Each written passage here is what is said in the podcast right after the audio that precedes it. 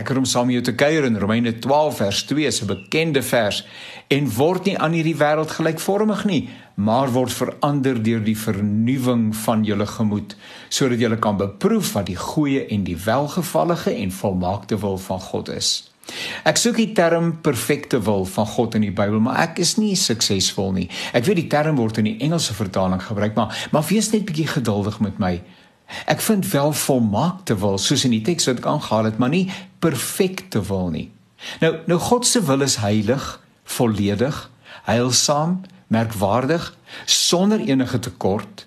Van God se perspektief is sy wil inderdaad perfek.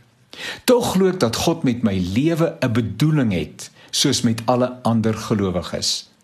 Sy wil is dat ons sy naam sal eer, die koninkryk is opdrag ernstig sal neem, rolspelers sal wees in die vernuwing van hierdie werklikheid, passievol sal deelneem aan geleenthede waar hy aanbid word.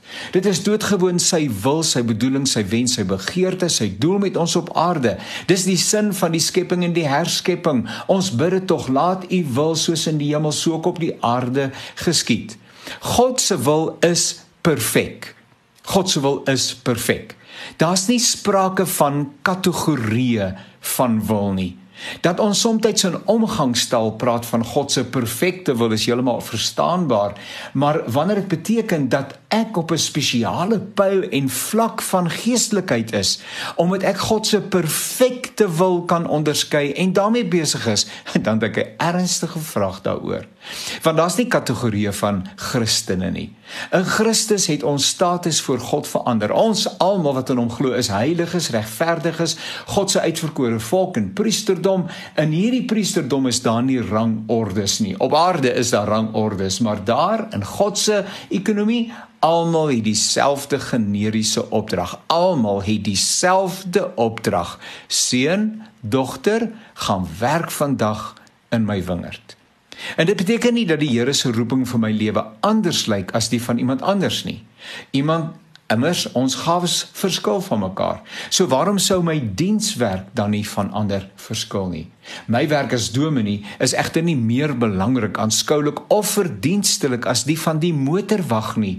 Ons staan op gelyke grond voor God. Ons is besig met sy wil. As jy dan wil, sy perfekte wil daar is geen ander wil as daardie wil nie. Ons is begenadig. Ons verdien niks. Trouwens ons verdien om van God vervreem te wees, maar sy liefde vir ons is net te sterk. Is ek belangrik vir God? Absoluut. Het hy 'n plan met my lewe? Sonder twyfel. Kan my dienswerk anders lyk as die van ander? Uiteraard. Is ek belangriker vir God as ander? Natuurlik nie.